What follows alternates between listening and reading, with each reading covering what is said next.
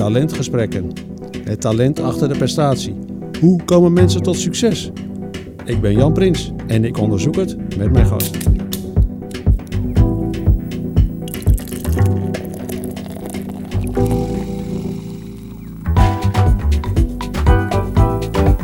Ik vind vaak een goede uitstraling belangrijk en wil graag goed en representatief overkomen.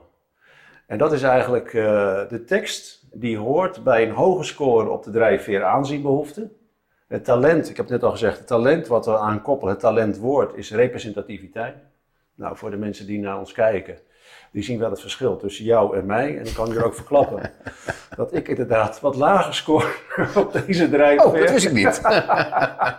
De grote leerschool die ik heb gehad Ja. is dat mensen uiteindelijk gaan naar personen eerder dan naar een bedrijf. Dus als je bijvoorbeeld kijkt naar onze, mijn eigen LinkedIn-pagina, ja, die heeft meer dan 20.000 volgers.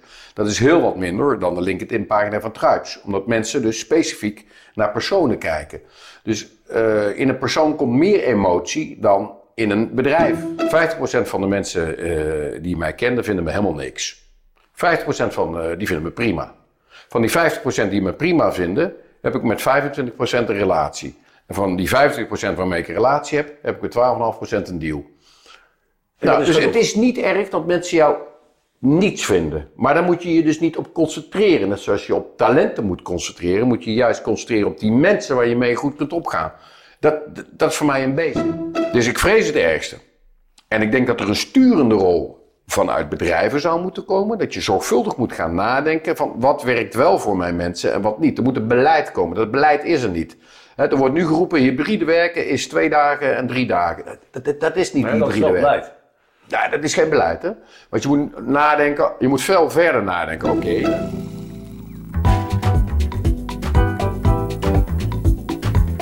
Mijn naam is Jan Prins. Talentgesprekken voeren is een heel belangrijk onderdeel van mijn dagelijks werk. En daarom sta ik helemaal achter de volgende boodschap. Hoe mensen ontwikkelen en coachen. Samenwerking en performance verbeteren. Onze positieve talentmanagementmethode biedt de totaaloplossing. Hallo, wij zijn TMA. Nou, ik zou zeggen, welkom bij weer een eh, talentgesprek waarin ik op zoek ga naar het talent achter prestatie. En deze keer zitten we bij Tribes. Ik moet hem even zo leggen, kan iedereen dat ook zien. Eh, workplaces for Business Nomads. Nou, jullie zitten op een eh, 20 locaties in Nederland, Duitsland en België, meen ik. Ja, Maar eh, heel veel engagement, nou daar gaan we straks nog wel over door. Nou, het is niet helemaal toevallig dat ik hier zit, want jij bent de oprichter en CEO van Tribes. Ehm, even bij wat inleiding. Quote ehm, noemt jou een ruitenheer. En eh, vraagt zich af of je een karakter of een karikatuur bent. De een vindt hem een ruitjespakken dragende paljas en de andere magistrale marketeer. Ben een luchtfietsende korpsbal of een energieke ondernemer met een succesvol bedrijf? Nou, wie is Eduard Schaapman? Want daar hebben we het over. Ik zit hier naast jou. Eh, nou, eigenlijk echt. Nou, daar gaan we vandaag eens proberen wat licht op te laten schijnen.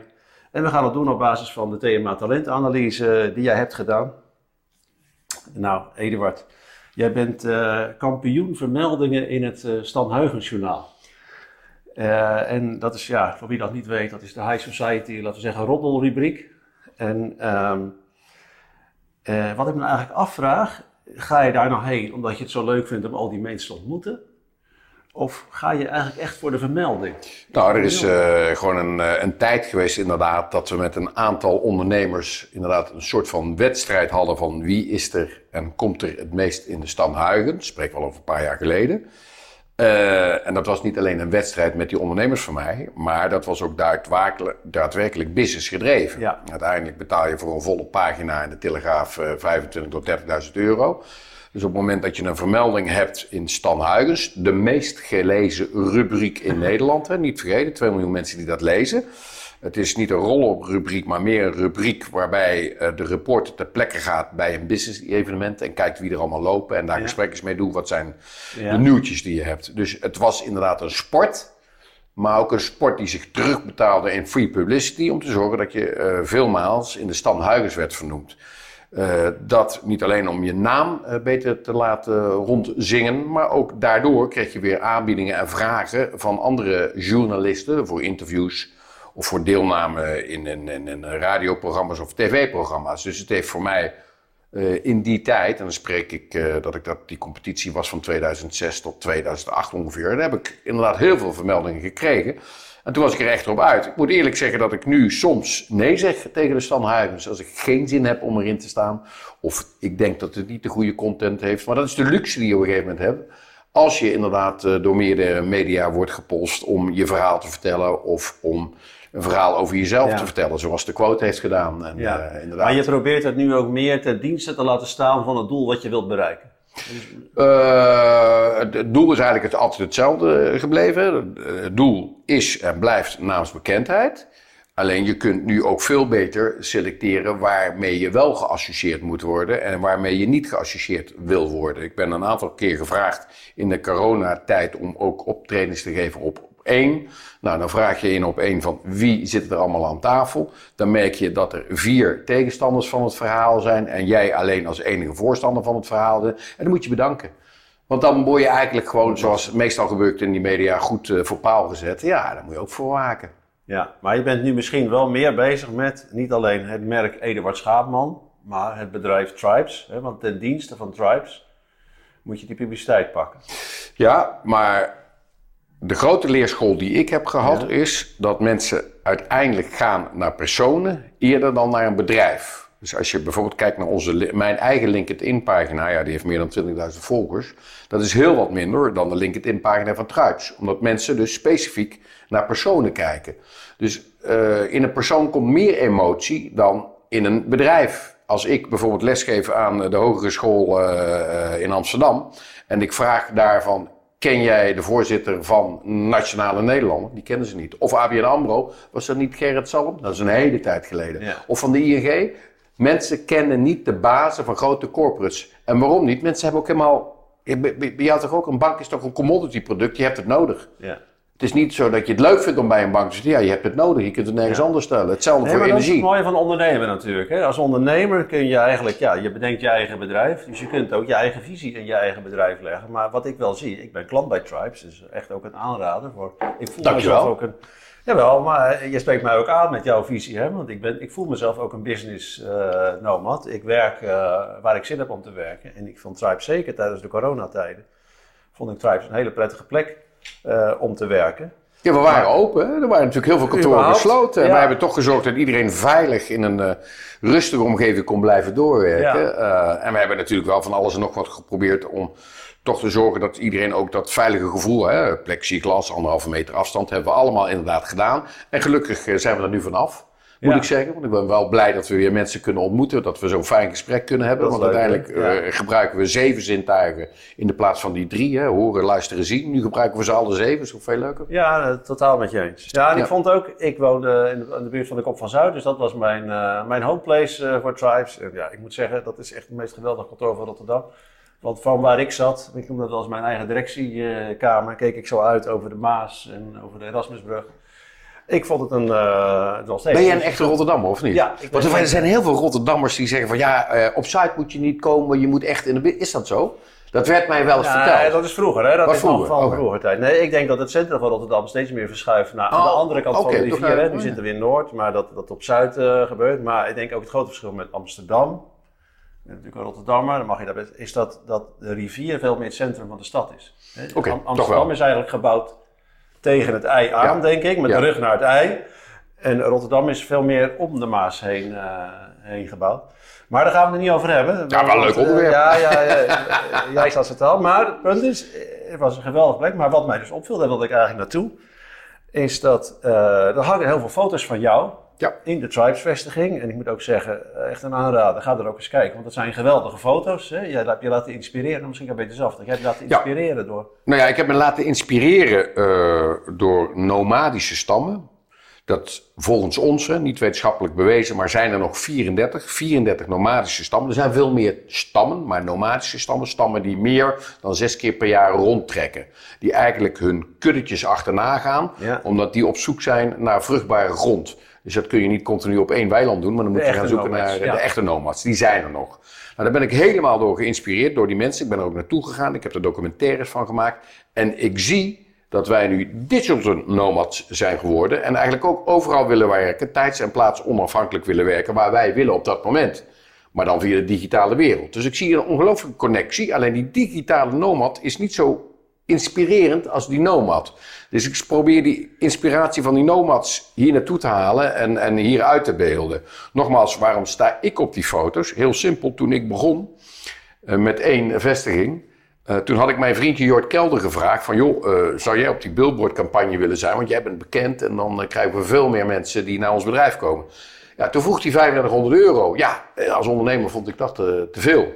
En toen zei mijn vrouw, moet je het gewoon zelf gaan doen. Want uh, hij heeft die bretels al van jou gejat. Ga dan maar gewoon in het ruiten pak wat je tegenwoordig draagt. En je valt heus wel op. En ik ben het gaan doen. En daardoor ben ik ook inderdaad uh, vrij veel opgevallen. Vooral natuurlijk in het segment, makelaars, vastgoedmensen. Die onze klanten aanbrengen. Hè? Dus die kenden mij al uit mijn vorige periode. En dan zagen ze weer, hé, hey, daar heb je Bassie Adriaan. Heb je weer die, die, die, die, die vent die op wil vallen. Dare to be weird. Zal toch wel iets leuks zijn.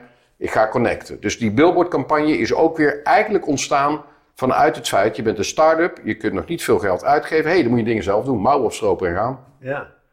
ja, het is een fantastisch verhaal, want dat zijn inderdaad geweldige foto's. En uh, voor wie dat niet direct doorheeft, je ziet dus de foto's aan de ene kant van die echte nomads. Die zitten dan met van die grote adelaars, of wat zijn het, van die grote Ja. vogels, Ja. of met die stoere paardjes. Dus de kazak en de kop Op van zaak. steppers, ja. Ja. En, en dan denk ik, nou, wel leuke foto's van die mensen. En dan af en toe zit jij er tussendoor. Ja. Met je geruite pak, dit dezelfde foto's, ja. Ja.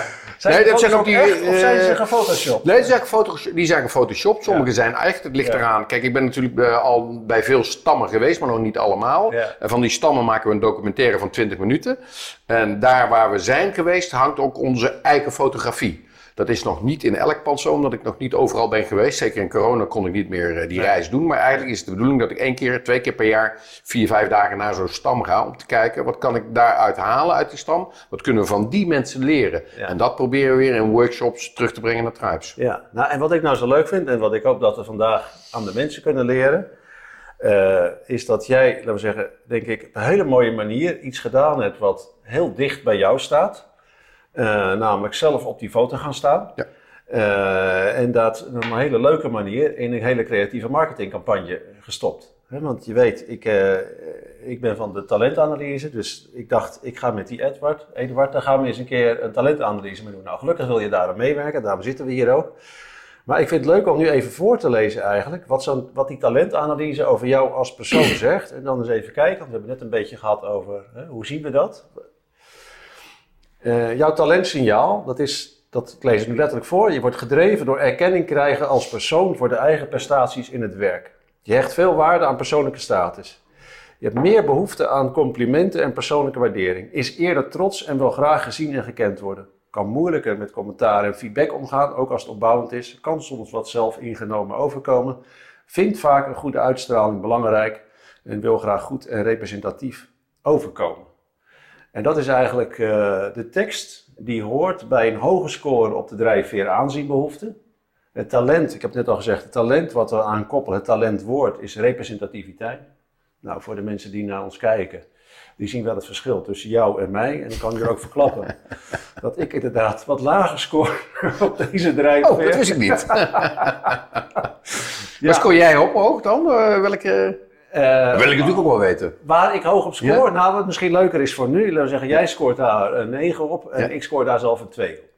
Dus- oké, oké. dus- Nou, ik vind het wel een mooi shirt Dus wat je aan hebt, dat wel. eh, ja, precies. De tekst die op jou van toepassing is, is eigenlijk totaal niet op mij, leuk, eh, op mij van ja, toepassing. Eh, en misschien ook dat ik zit hier toch een beetje met klotsende oksels. Ja? Ehm, eh, maar ik denk dat jij veel, veel natuurlijker het vindt om zo'n camera op je gericht te krijgen. En dat jij dat eigenlijk heel prettig vindt.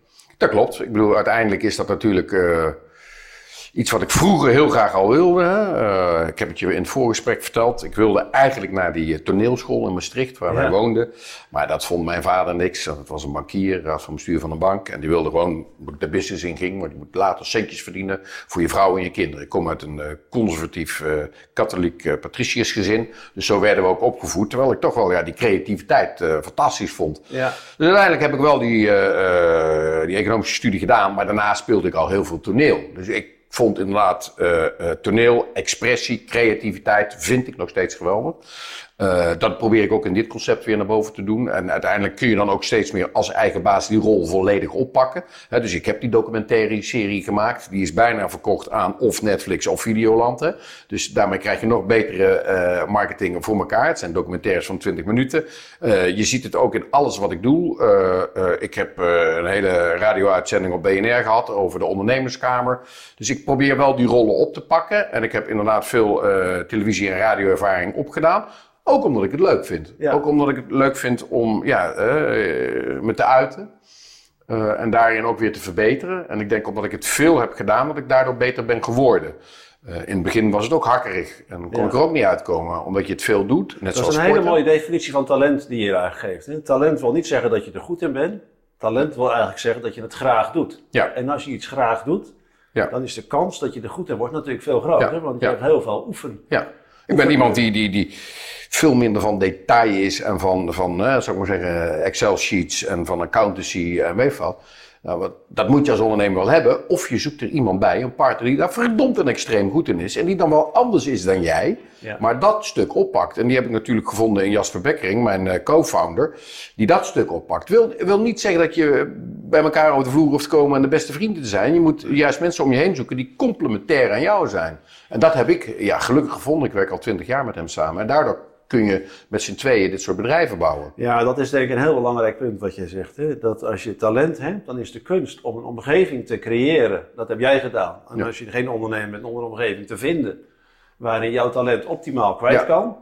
En je niet druk te maken om de talenten die je niet hebt. En juist te zorgen dat je die talenten bij andere mensen. Ja, maar er zijn zoveel mensen op de, de, de aardbol. Dus er moeten altijd mensen zijn die op die zaken waar je geen talent in hebben, hebt, wel goed bent dus uh, uh, die combinatie moet je zoeken. Ja. En dan moet je dus eigenlijk, uh, en dat viel me een beetje tegen in de, in de kritiek die ik kreeg, of de feedback die ik kreeg. Ik sta juist heel erg open voor kritiek van anderen en probeer juist inderdaad die aansluiting te vinden met datgene wat er niet zo is. Hè. Dus, dus ik zoek juist mensen op die zaken veel beter kunnen dan ik kan. Ja. omdat ik weet dat ik het niet alleen kan. Dat is misschien ook de ervaring die je opdoet. Misschien dat ik van origine naturel vroeger dat veel minder deed. Maar ik merk wel dat ik gaande de jaren juist teams heb opgebouwd die heel divers waren. In Tribes zitten al 21 verschillende culturen. Uh, eh, 12 verschillende paspoorten, om het zo maar te zoeken. Uh, uh, 70% is vrouw, 30% is man. en het is allemaal natuurlijk gegaan. Dat is niet omdat er een quota werd af, afgegeven, maar dat wij kijken niet naar de verpakking, hoe ziet iemand eruit, maar we kijken naar de inhoudelijkheid, de content. en we doen ook zelf testen om te kijken van hebben we de juiste content aan boord. Ja, ja. Um, over dat punt van kritiek, hè? want dat is eigenlijk wat je zegt. Jij vindt dat je wel goed met kritiek om kan gaan. Hè? Dat kritiek is geen probleem voor jou. Maar als die kritiek nou is op een punt waar jij jezelf wel heel goed in acht. Nou, ik krijg dus. Ik, ik vraag, nou, nee, bijvoorbeeld, ik, krijg, ik vraag bijvoorbeeld. Uh, ik ben natuurlijk net met die radio-uitzendingen gekomen. En dan vraag ik juist bewust, omdat ik weet, ik kom best wel uh, bullish over. En mensen vinden het moeilijk om mij uh, feedback te geven, kritiek te geven. Maar dan vraag ik aan de Rens de Jong en de Paul van Liemt, waarmee ik zei: jongens, geef me nou alsjeblieft feedback, want ik wil ook beter worden. Ik wil wel scherper worden. Ja, dan moet, je wel, moet ik wel zelf om vragen om kritiek te krijgen, want anders krijg ik hem inderdaad niet. En dat komt misschien omdat ik zo sterk ben. Dat, dat klopt dan weer wel, maar ik probeer wel juist kritiek uh, naar me toe te halen, zodat ik mezelf kan verbeteren. Want anders word je inderdaad iemand die, die denkt, uh, ik kan alles, wat gewoon niet waar is. Ik kijk af en toe interviews terug en dan denk ik, jezus, wat, was je, wat had je die dag ervoor gedaan? En dan roepen mensen, oh, je was geweldig. Dus ik moet voor mij, als ik mensen, van mensen complimenten zijn, moet het wel echt compliment zijn, want anders vind ik het ook niks. Anders geloof ik niet in. Maar als iemand jou nu een paljas vindt, hè, dat is, laten we zeggen, de, kennelijk zijn de mensen die dat vinden. Ja. Hoe ga je daar dan mee Heerlijk. Dan omarm je ze? Nee, dan moet ik daarom lachen. Ja. Kijk, uiteindelijk is het zo, ik heb natuurlijk die ervaring gehad toen ik Tribes begon. En toen waren er natuurlijk heel veel makelaars die zeiden, ah die schaapman, ah, man, dat wordt helemaal niks. Totdat ik opeens ongelooflijk veel geld binnenhaalde via allerlei Amerikaanse bedrijven die in mij investeerden. Jezus, wat een king. Dat hij dat allemaal kan realiseren. Dus je moet wel aantonen dat je iets kan. En inderdaad, ik vind het de wereld is gewoon zo. Uh, ik zeg altijd: uh, het gaat om een, een reputatie. Daarvan krijg je een relatie en dan krijg je een stukje rel. 50% van de mensen uh, die mij kenden vinden me helemaal niks. 50% van uh, die vinden me prima. Van die 50% die me prima vinden, heb ik met 25% een relatie. En van die 25% waarmee ik een relatie heb, heb ik met 12,5% een deal. Nou, dus het is niet erg dat mensen jou niets vinden. Maar daar moet je je dus niet op concentreren. Net zoals je op talenten moet concentreren, moet je je juist concentreren op die mensen waar je mee goed kunt opgaan. Dat, dat is voor mij een basic. Ik, weet, ik weet van tevoren dat er een hele hoop mensen zijn die vinden, die vinden mij een paljas, vinden me niks. Dat is prima, vind ik helemaal niet erg. Oké, maar als dan de mensen zijn die zeggen, of laten we zeggen, nou handelen dat ze jou niks vinden, dan is eigenlijk jouw recept om ze te negeren. Ja, ja. Avoid naysayers. Avoid, dit is een van mijn basisprincipes. Ik heb zes basisprincipes. Een van die principes is, mensen die toch niet in geloven, besteed er geen tijd aan. Ja. Dus hetzelfde als, als je mensen, eh, je zit met z'n allen op de wagen. Je probeert een bedrijf eh, naar voren te halen. Je hebt sommige mensen die lopen voorop. En je hebt sommige mensen die hangen achter die wagen aan. Die mensen moet je zo snel mogelijk van die wagen afflikkeren en ga maar iets anders doen. Ga ergens anders naartoe. Je wil alleen maar mensen hebben die energie hebben om samen die wagen vooruit te brengen. En juist niet mensen die die wagen proberen tegen te houden. Dus je moet veel meer durven te beslissen. Eh, avoid naysayers. Dat is het principe van mij. Ja, dat is een prachtig principe natuurlijk. Maar soms hebben die neeërs wel een punt. Kan best. Er zwaait iemand. Ja, we zwaaien terug. Ja. Eh, soms hebben die neeërs misschien wel een punt. Of die kunnen je misschien behoeden voor valkuilen waar je in zou kunnen lopen. Nou kijk, en daarvoor zorg je dat je een select eh, een groepje van mensen hebben, Ja. hebt die je om je heen verzamelt. Die wel nauwlettend jou in de gaten houden en komen met verbeterpunten. Eh, en daar heb ik ook eh, volledig respect op. Maar dat zijn het wel mensen die ik zelf respecteer. Waarvan ik zeg: Oké, eh, ik begrijp je argumentatie, ik begrijp je kritiek. Maar van iemand die ik niet ken en die mij een paljas noemt, vind ik prima. Maar daar hoef ik dan, ik bedoel, is hetzelfde als ik nu, hè, ik heb die radio-uitzending gedaan met 15 Tweede Kamerleden van Economische Zaken. En De dan zie je- ondernemerskamer. De ondernemerskamer. En alle, dan, alle woordvoerders. op Economische Zaken. Ja. Maar dan zie ik dus ook de kritiek. Hè? Dan zie je dus hoe beperkt mensen kijken. Ik heb bijvoorbeeld een Dionne Graus heb ik geïnterviewd. En dan wordt er eronder gezet, hoe kun je deze paljas interviewen? Belachelijk. Nee, ik wil een objectief beeld krijgen van alle Tweede Kamerleden. Of bij Thierry Baudet kritiek, of bij Farid Azarkan kritiek. De mensen die het meest links of rechts zitten, krijgen ook de meeste kritiek onderling. De, de meest uitgesproken mensen zie ik ook eh, op, eh, op LinkedIn en op Facebook, waar die dingen stonden, dan zie je de kritiek. Eh, iemand die ze niet kennen, en Christophe, Chris Stoffer van de SGP, of eh, Pieter Grinwis, daar zie je niets op, want die mensen die zijn nooit uitspoken. Dus ja, dat leeft niet. Die, die, kende jij die namen? Nou, die die net noemde wel, maar de Christopher zegt mij ook niks. Nee, Pieter Grinwis ook niet, denk ik. nee ook niet. Nee, maar misschien een nieuw, hè? Die Nee, die zijn niet nieuw. Dat zijn ChristenUnie en. SGP. Maar de mensen die Ja. ik noem daarvoor, een Gauws, een Baudet Ja. en een eh Farid Eh, ja, of eh, Lilian Marijnissen, dat zijn de oudspoken, of Geert Wilder, oudspoken, dus die vallen op. Alles wat er tussenin valt, die ziet niemand. Dus je moet durven op te vallen. Dare to be Heb jij ook eh, politieke ambities? Nee, nee, nee, nee. nee want Ja, wat je nu eigenlijk zegt, is het is een belangrijk talent voor Kamerleden Ja, om op te ja, willen vallen. Ja, ja. ik denk- populistisch gedrag, hè? heel erg. Want dat- als je kijkt naar het stemgedrag in Nederland, gaat men niet naar de inhoud, maar gaat ze kijken van wie heeft voor mij de prettigste grootste bek. Ja, het is heel flauw, maar het is wel zo.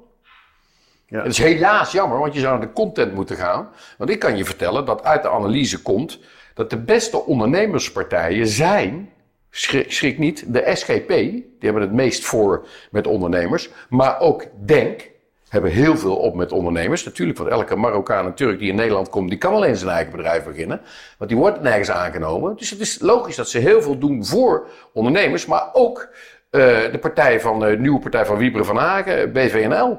Eh, dus je ziet, Ja, het met is, zo'n naam eh, kun je al niet. ja, nee, maar het is dus extreem ligt het uit elkaar. Het heeft dus Ja. niet te maken met links of rechts. Eh, als je kijkt naar ondernemend land, eh, wie is ervoor? Maar als je dus duidelijk naar de content gaat kijken, kom je op een hele andere uitslag dan bijvoorbeeld stemmen op de VVD als Heb je ondernemer. daar zelf ook meer eh, van geleerd door die, door die gesprekken Absoluut, te doen met absoluut. Is Dat jouw- uiteindelijk voor mij al die mensen zeer passioneel zijn en hun eigen denkwijze, filosofie hebben.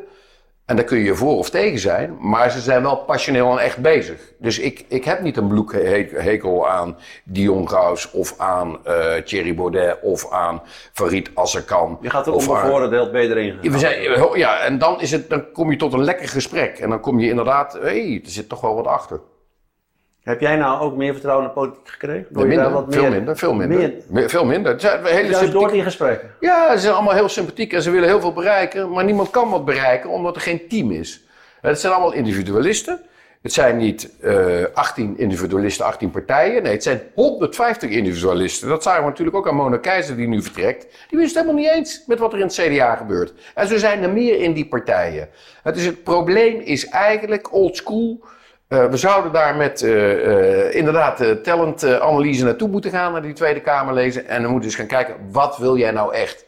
Je ziet zo'n Mona Keizer, voelt zich niet vrij erin. Die doet het nu. En dan gaat opluchting van die kinderen. Is wel de baan kwijt. Ja. Maar, wel dicht bij de principes gebleven. Heel dicht bij de principes. Wat natuurlijk veel fijner is. Waarom moet je met de massa mee? Je mag toch bij je eigen principes blijven? Maar dat is misschien een dilemma wat jij schetst. tussen individu zijn en voor je principes staan. Want je bent als, je bent als individu gekozen in die Tweede Kamer. Uh, maar dat je dan aan de ene kant de fractiediscipline hebt. Hè, waar je dan allemaal in de pas moet lopen. Ja, is dat, is, maar dat is dat niet verkeerd? Is dat de juiste invulling Is van dat- teamvorming is. Want ik heb veel liever ook, als ik kijk naar mijn managementteam, hè, daar zitten we met z'n negenen in. Veel liever dat mensen juist kritiek hebben en dingen anders willen. Dat je die discussie op kunt raken. En dan je laat overtuigen dat het anders ook kan. Dat is leuk. Dat je dus niet alleen maar uitgaat van je eigen gereidheid, noem ik het even, van "Nee, zo moet, zo moet. Maar dat je dus ook open staat van, oké, misschien zouden we... Kijk nu naar het hele corona gebeuren. Het is toch te, te debiel voor woorden. We zitten hier nu fantastisch bij elkaar. Maar je hebt geen coronacheck gedaan, ik heb geen coronacheck gedaan. Gaan we dadelijk met café in, dan moeten we met z'n tweeën een coronacheck doen. Ja, hier mag het. Hier hoeven geen coronacheck. Dat is toch heel raar? Nee, je hebt helemaal gelijk. Dus Dus, dus wat zij zegt klopt gewoon. Dus ik zou, Absoluut. ik zou het sportiever hebben gevonden van zo'n kabinet. Dat ze hadden gezegd van jongens, laten we ons kwestie voor opstellen. Het is ook niet meer uitlegbaar. nee. Dan, ben je ook, dan, dan zou je opeens weer meer vertrouwen in die politiek kunnen Ja, krijgen. maar dat is ook waarom ik een vraag stelde. Want ik kan me voorstellen dat als je naar, laten we zeggen, de output van het beleid kijkt, dat je vertrouwen helemaal weg is. Maar als je echt op zoek gaat naar de mensen, dat je dan zegt, nou, ik heb eigenlijk wel vertrouwen in de mensen, maar op een of andere manier werkt de machinerie zo, dat wat eruit komt een beetje... eh, Ja, ja, ja, u- uiteindelijk moeten ze toch weer één team worden binnen die fractie. En die fractie samen binnen een kabinet. Ja, dat is er natuurlijk niet. Dat zien we. Het is natuurlijk oldschool. Jij ziet het ook. Jij, je bent natuurlijk ook ervaren in het scouten van talenten. En, en, en, en van hoe gaan teams met elkaar om. Nou, je ziet het. Er zit toch helemaal geen team. Het is van hoe vechten we elkaar de tent uit. Ja, maar misschien is dat, daar geef je eigenlijk zelf het antwoord op, denk ik. Omdat om, om volksvertegenwoordiger te worden, is het bijvoorbeeld handig dat je zo'n talent hebt als jij hebt. Als je dat talent niet hebt en niet de behoefte hebt om in de schijnwerpers te staan, eh, om jezelf Ja, te ik denk, presenteren eh, ja, aan, een de- grotere, aan grotere groep. dan Alleen die eigenlijk 18 niet fracties intrinsiek- of 19 Dan word je fractievoorzitters. niet intrinsiek gedreven om dat te doen. En ik denk dat al Ja. die Kamerleden dat min of meer gemeenschappelijk hebben. Alleen precies wat jij zegt, als je een team wil zijn, eh, dan heb je andere talenten Ja. nodig. Maar die talenten, ja, daar word je geen eh, eh, Ja. Tweede Kamerlid mee. Dus, Nee. dus het is eigenlijk onmogelijk om een team te zijn. Ja. Omdat je allemaal vergelijkbare Ja, nou ja, je ziet natuurlijk in de VVD heb je één zo'n man die naar buiten moet komen. En de rest zijn allemaal nee, ja-knikkers natuurlijk. hè. Dat is, dat is natuurlijk ook weer zo. Dat heb je natuurlijk bij elke partij. Er worden op een gegeven moment ja-knikkers. Alleen die partijen die sterk zijn met sterke individuen erin. Mona Keizer versus Wopke Hoekstra versus eh, Ferdinand Grapperhaus en Hugo de Jong. Ja, dat botst natuurlijk aan alle kanten. Ja, en die beginnen dan voor zichzelf. Ja, Dat is natuurlijk... of stoppen ermee. En, Ja. eh, Oké, ik zou zeggen genoeg over de politiek. Ehm, kun je er allemaal uitknippen. Ja. nee, ik vind. eh, laten we eens even hebben over het ondernemerschap. Hè? Want je hebt met die Kamerleden gesproken over ondernemerschap. Je bent zelf ondernemer en je faciliteert ondernemers. Wat vind je daar, eh, hoe, hoe kijk je daar tegenaan? Tegen ondernemers op zich? Nou ja, hoe, hoe, zie jij dat, hoe zie jij dat ontwikkelen? Kijk, de problematiek in Nederland wordt steeds meer voor een ondernemer dat je je te veel moet houden aan regels. Waar een ondernemer aversie van heeft, is regels. Ik ben niet voor niets al veel meer aan het uitbreiden in Duitsland dan in Nederland, omdat ik te veel regelgeving hier zie. Als je nu ook ziet wat de uitstroom is vanuit Londen, Brexit, naar Nederland versus Duitsland, is er veel meer die naar Duitsland trekken en naar Frankrijk dan naar Nederland vanwege de regelgeving. Dus ik vrees dat door de mindere aandacht vanuit politiek Nederland voor ondernemend Nederland, dat we eh, wel eens te weinig ondernemers zullen gaan krijgen. En uiteindelijk zijn het ondernemers die toch alle belastingen betalen. Inclusief de mensen die daar werken. Die betalen natuurlijk ook loonbelasting. Maar je hebt wel een ondernemer nodig om te zorgen dat je banen kunt creëren.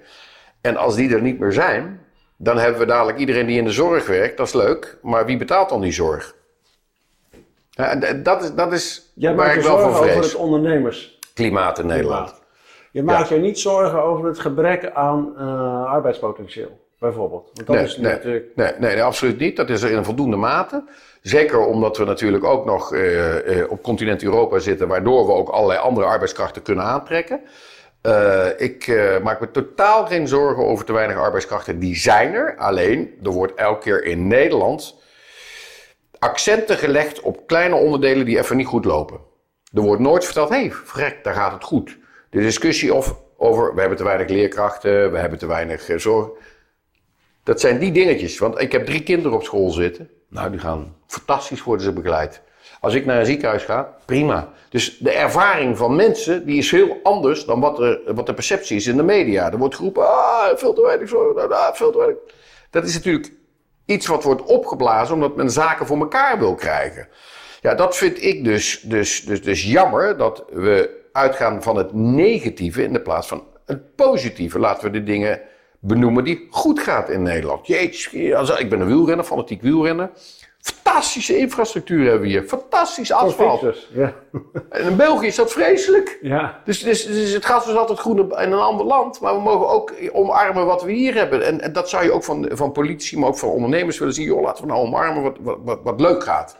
Alleen, ik denk dat Nederland moet inzien, heel Nederland, want dat zijn uiteindelijk degenen die stemmen op politieke partijen, dat je zeker ondernemers nodig hebt om te zorgen dat er inkomsten worden gegenereerd. Maar je bedoelt misschien toch in met de politieke context, er ligt iets te veel nadruk op de grote bedrijven en de faciliteiten van grote bedrijven en te weinig op het basale ondernemerschap. Oh, dat, dat, dat niet alleen. Als je kijkt naar bijvoorbeeld PvdA, die zegt, uh, er wordt nu ongeveer 23 miljard betaald uh, uh, door alle ondernemingen in Nederland aan belastingen. Dat moet opeens naar 43 miljard.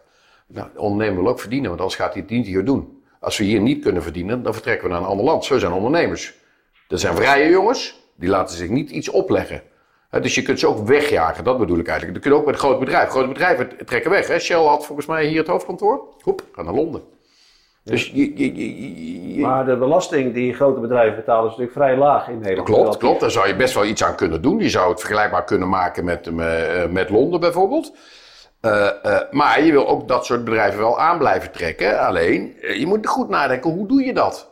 Hoe doe, je, hoe doe je het slim? Je hebt maatwerk nodig. Je hebt dus inderdaad andere soorten belastingverrekening nodig voor het MKB, het familiebedrijf. De kracht van Nederland. 25% van alle belastingen worden door familiebedrijven MKB betaald. 25%.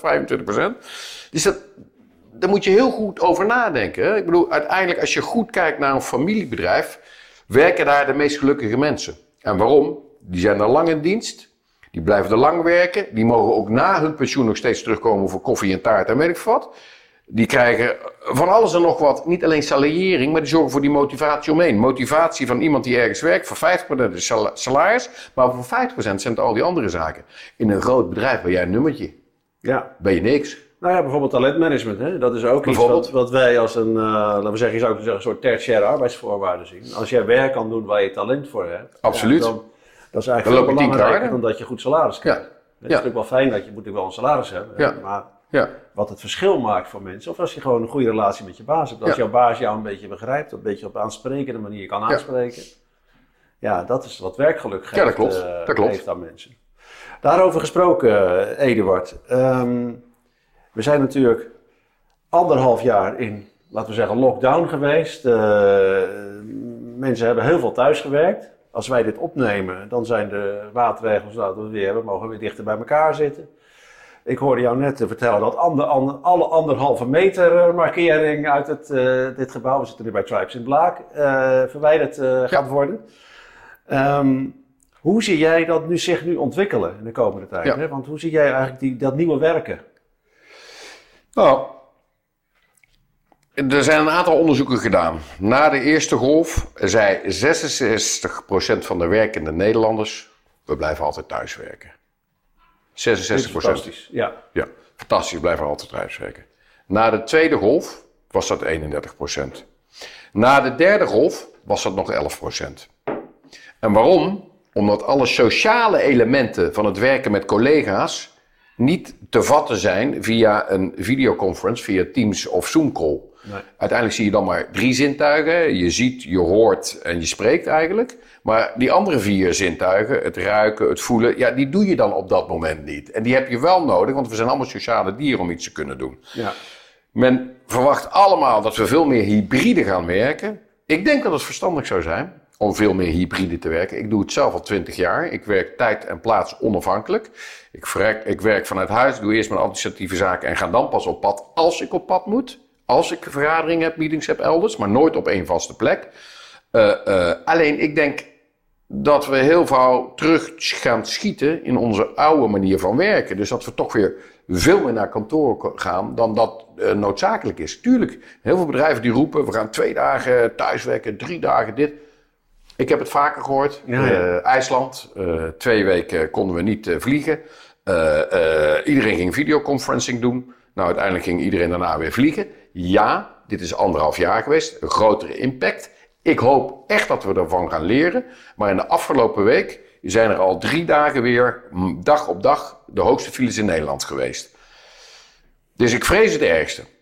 En ik denk dat er een sturende rol vanuit bedrijven zou moeten komen. Dat je zorgvuldig moet gaan nadenken van wat werkt wel voor mijn mensen en wat niet. Er moet een beleid komen. Dat beleid is er niet. Er wordt nu geroepen, hybride werken is twee dagen en drie dagen. Dat, dat, dat is niet Nee, hybride dat is werken. beleid. Ja, dat is geen beleid, hè?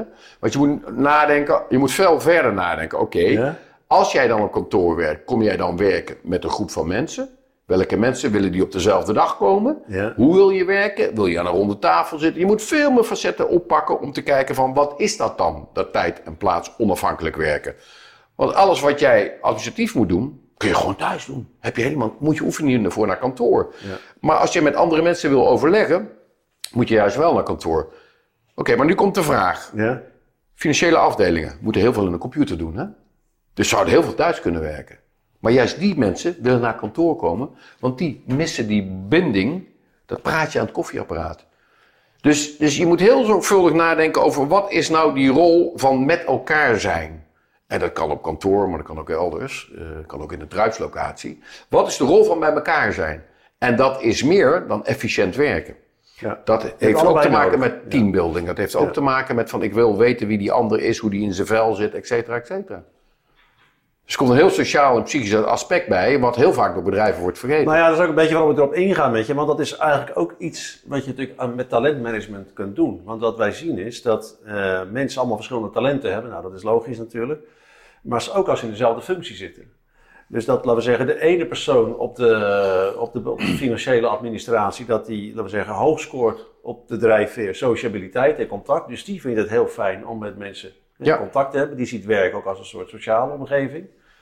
Eh, maar je hebt ook mensen die zitten het liefst de hele dag naar hun eh, eigen schermpjes te Ja. staren. En die vinden, de, vinden de afwisseling van die, van die cijfertjes hartstikke mooi. Die hebben helemaal Ja. niet zo'n behoefte om nauw met die collega's aan te gaan. En, en ik denk, voor corona was het zo dat, ja, of onafhankelijk van jouw talenten, werd je geacht op kantoor te komen. Eh, door corona, onafhankelijk van jouw talenten, werd je geacht thuis te werken. En wat ik zelf hoop, en wat jij ook een beetje schetst, denk ik, is misschien kunnen we meer ruimte laten aan de individuele behoeften van mensen die, die persoonlijk eh, Ja. zijn en ook Ja, werkafhankelijk ja, zijn. En Kijk, je moet, je, uiteindelijk zal het bedrijfsleven moeten gaan kijken per persoon wat voor een output verlang ik van jou. Ja. En niet, jij bent hier van 8 tot 6. Nee, wat is de output? Als jij een journalist bent en je moet 10 artikelen per week aanleveren, moet hij dan per se op de redactie komen of kan hij dat ook thuis doen? Of op een restaurant of ergens op vakantie? Als hij maar zorgt voor mooie artikelen. Ja. En die, kijk, uiteindelijk wil je natuurlijk wel nieuwsfeitjes hebben. Dus je gaat naar die redactie om te horen of iemand anders iets weet. Dus dat heb je wel weer nodig. Dus je kunt niet altijd alleen maar thuis zitten, want je moet ook leren van anderen. Ja. Maar je kunt wel weer het uitwerken van een artikel. Dat zou je bijvoorbeeld helemaal niet op de redactie hoeven te doen. Dan zou je bijvoorbeeld kunnen zeggen: ik ga om twee uur alvast naar huis voor de files. Dan ga ik lekker thuis Ja. dat verhaaltje inkloppen. Ja, maar En dan overdag, eh, dan ga ik dat terugsturen naar iemand en overdag ga ik met die erover praten. Dus veel meer nadenken, oké, wat is nou de output die de werkgever van mij verlangt? En daarop acteren. Ja. Maar dan Tijd zou het en plaats onafhankelijk. zijn als je daar mensen ook een eigen ruimte in liet. Ja, absoluut. Geloof ik ook.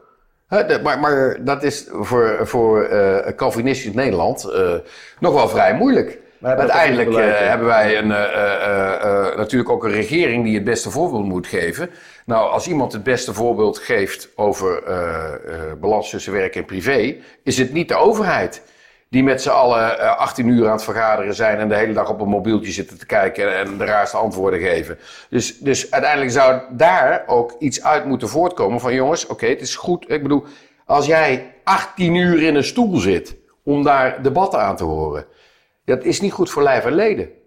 Dus daar zou ook een voorbeeld moeten komen. Het hele eh, overheidsgebeuren is outdated van hier tot kinderen. Waarom zouden ze nou per se moeten wachten daar op het Binnenhof om eh, allemaal hoofdelijk te moeten stemmen? En dan moeten ze allemaal daar weer terug naartoe. Je kunt toch ook gewoon thuis op een knopje drukken van ja of nee? Eh, Absurd. En dat is natuurlijk wel het voorbeeld voor Nederland ook. Hè? Dat, dat zien we tegenwoordig overal. Ja, er is nog een hoop te verbeteren. Ja. Daar is nog een hoop te verbeteren. Misschien dat... ehm eh, jij hebt een mooie uitspraak. Dare to be weird. Dare to be weird. Ja. Uh, wat bedoel je daar? Ja, Durf anders te zijn. Hè? Het, is, uh, het liefst lopen we allemaal massaal uh, achter elkaar aan. als er wordt gezegd, je kunt corona krijgen van een vanille-ijsje, eten we allemaal geen vanille-ijsje meer. Om maar een boute uitspraak te nodig. Want we zijn allemaal kuddedieren. Ja, ik ben een schaapman, dus een herder. Dus, kuddedier, ja. We lopen allemaal achter elkaar aan. En als iemand in een sloot springt, denken we ook allemaal, laten we met z'n allen erin springen. En juist om anders durven te zijn, val je meer op en blijf je misschien beter bij je principes. Dat hoeft niet. Als je er geen zin in hebt, moet je het niet doen. Maar dare to be weird is, je mag zijn wie je bent. Ben puur, ben zoals je bent. En that's it. En als je inderdaad lekker een kudde die je wil zijn, mag dat natuurlijk ook. Maar je moet in ieder geval wel doen wat komt in mijn binnenste op. Je hoort tegenwoordig veel te veel mensen met hun frustraties, hoor ik om mij heen, in deze anderhalf jaar. Spreek ze dan uit. Ja. Waarom zou je stil zijn? Ja. Ja, dat is wel mooi. Ik vind het wel een mooie nuance die je erbij maakt. Want jouw behoefte is denk ik heel erg om op te vallen. Ja. Ehm, Maar er zijn mensen die dat helemaal niet willen. helemaal niet hebben. dat is ook prima. En dat moet ook kunnen. Dat moet absoluut kunnen en die, moet je, die, die heb ik ook nodig, want anders kan ik niet presteren. Ja. Kijk, ik heb die mensen nodig die heel gedetailleerd gaan kijken naar een businessmodel of alle cijfertjes kloppen. En als eh, die, die, eh, die jongens die bij mij werken, die zeggen ook: Eduard, ik hoef niet hele dag op kantoor te komen. Nou, prima, komt er niet hele dag op kantoor. Als ik dat businessmodel maar helemaal klaar heb, dan en dan en dan en dan. En ik wil ook nog wel een paar keer een beetje overgespart hebben, nou prima. En dan maakt het me niet uit waar dat gebeurt, als ik die output maar krijg, zodat we in gezamenlijkheid weer kunnen performen. Ja. Ja. ja, dus ik zou zeggen, dare to be weird, dat slaat heel erg op Dat is jou. Ja. Maar ik Maar dare to be weird kan toch ook iemand zijn die eh, eh, in zijn bananen pakken met een koptelefoon lekker achter de data in zit? Ja, eh, maar dan heb ik alweer een bananenpak. Kijk, ik denk Als ook- hij dat wil. Ik denk dat ik zou willen parafraseren. Is dat dare to be a sheep. Voor sommige mensen, voor jou is dat. Dare to be eh, no sheep. Ja, ja. voor jou is het dare to be no sheep. Maar sommige mensen Ja. willen heel graag een schaap zijn. Ja. En eh, dat zijn misschien ook de mensen die jou een paljas vinden. Ja. Want die denken van, ja, ik wil gewoon graag een schaap Ja, zijn. En dat jij zo nodig daar, eh, daar- daarop moet vallen, moet jij lekker weten. Maar ik heb jou wel nodig, want anders kom ik niet Anders verder. val jij dat is de op, gedachte. nee, maar de gedachte is, de gedachte moet zijn. Ik vind prima eh, dat mensen uiteindelijk iets anders willen doen, maar uiteindelijk heb je wel elkaar nodig. Eh, en als je dat ziet en dat doorgrondt, dan kom je verder. Ja, Maar als je echt alles vindt niks, ja, dan, dan denk je niet na. ja, dat is een hele mooie. Ik wil, we gaan een beetje naar de afronding toe eigenlijk nog even kijken of jij iets van jouw eigen motto's, levensmotto's kan meegeven aan, Ja. eh, aan de kijkers en, en de luisteraars. Je hebt er eentje, Fly. Ja. Nou ja, first love yourself. Je moet First eerst van jezelf houden eh, voordat je iets door kunt geven. Als jij zelf prettig in je vel zit, ben jij zekerder.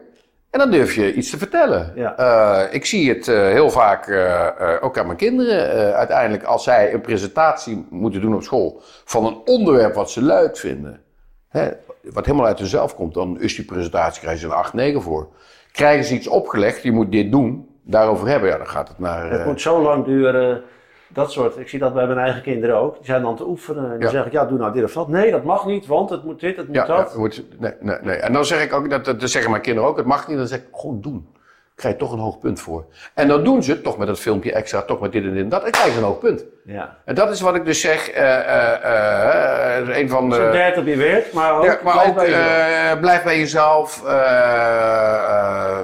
Eh, je, hoeft niet alle regels te volgen eh, zoals ze zijn voorgeschreven. En als ze niet bij jou passen, doe je het anders. Eh, je moet wel ook van je intuïtie afgaan van oké, maar het voelt niet goed, ik wil het anders doen. The mind needs to travel to be creative. Pas als jij op pad gaat, word jij creatief. Uiteindelijk, de meeste mensen nemen een beslissing om naar een andere baan te gaan, of een andere partner, of een andere hobby, of een andere sport, na de vakantie. Want in de vakantie komen ze tot rust. Ja. Dan zijn ze uit hun dagelijkse omveld heen. ja. En dan, hé, verrek, ik vind die baan eigenlijk helemaal, ik vind die partner eigenlijk helemaal niet leuk. En dan daarna vallen meestal de beslissingen. Hè, dus dan, dan, the mind needs to travel to be creative. Het was al sowieso moeilijk in de afgelopen keer The mind needs to travel. to be creative. Oh ja. De afgelopen periode hebben we natuurlijk allemaal meegemaakt. Niemand kon op pad. Nou, wij waren open. Gelukkig konden er heel veel mensen nog in onze locaties komen. En dan zagen ze elke Met keer een andere stam. Eh, dus dat zijn eh, eh, voor mij belangrijke principes. Ook go where the business is. Je gaat daar naartoe waar er zaken gedaan kan worden. En dat is niet altijd thuis. Dat is niet altijd op een Zoom-call. Je zult af en toe naar een café, een restaurant, een businessclub, een sportclub. Om dat mensen te ontmoeten en te kijken van hé, wat kan ik daar voor business mee doen. Dus dat zijn allemaal voor mij zaken ja, die voor mij vanzelfsprekend zijn. Hè? En een hele belangrijkste, de belangrijkste die je uiteindelijk doet, ben jij succesvol? Eh, give something back. Dus geef iets terug. Eh, en dit moet je zelf bedenken in wat voor vorm. Ik doe heel veel eh, aan lesgeven. Ik doe heel veel aan, aan, aan doorgeven van datgene wat ik heb geleerd. Maar ik heb ook een, eh, een doel wat we heel zwaar steun- steunen. Dat is Survival International. Ik ben bij al die stammen geweest. En Survival International zorgt ervoor dat die stammen nog steeds kunnen blijven bestaan. Dus wij verkopen die boekjes, die, die tribesboekjes, waarin we alles beschrijven over die stammen. En dat gaat in één keer, dat geld gaat deze, naar deze club, Survival International. Dus durf ook na te denken over, oké, ik, kan, ik kan goed zijn, ik, kan, ik heb eh, geld verdiend, eh, maar je moet ook iets teruggeven. Want Geven is vaak veel leuker dan nemen. Dat is ook een mooie. Je hebt denk ik, eh, we gaan afronden. Oh, ik heb eigenlijk nog heel veel vragen voor je, maar we gaan lekker afronden. Ik denk dat je heel veel hebt gegeven aan onze luisteraars. Je hebt jezelf laten zien. Je hebt ons wat leuke eh, inzicht gegeven. Wat, wat tips waar we wat mee kunnen. En als ik eigenlijk weer terug ga naar mijn begin, de, de openingsvraag. Ben je een, een, een paljas of een briljante marketeer? Eh, Ik kan zowel een paljas zijn als een briljante marketeer. Ik neig naar het laatste. Dankjewel. eh Bedankt man, ik vond het een ontzettend leuk interview. Goed zo. Bedankt dat je de tijd in hebt willen steken. En eh, ja, ik krijg energie van mensen. Ik ben een extrovert persoon. Dus eh, bedankt, ik ben helemaal volgeladen. Goed zo. Nou, ik ook. Dankjewel. Dat was hem weer. Fijn dat je helemaal tot het einde van dit talentgesprek bent gekomen. Wil je geen volgend talentgesprek missen? Abonneer je dan op mijn YouTube-kanaal als je er graag beeld bij hebt. Of voeg de podcast Talentgesprekken toe aan de bibliotheek op je favoriete podcast-app. En ik moedig je natuurlijk ook graag aan om deze aflevering leuk te vinden en te delen met je vrienden en collega's. Nou, ben je naar aanleiding van dit gesprek geïnteresseerd geraakt in de TMA? Of zou je wel eens willen weten wat jouw talenten eigenlijk zijn? Stuur mij gerust een e-mail jan.priman.nl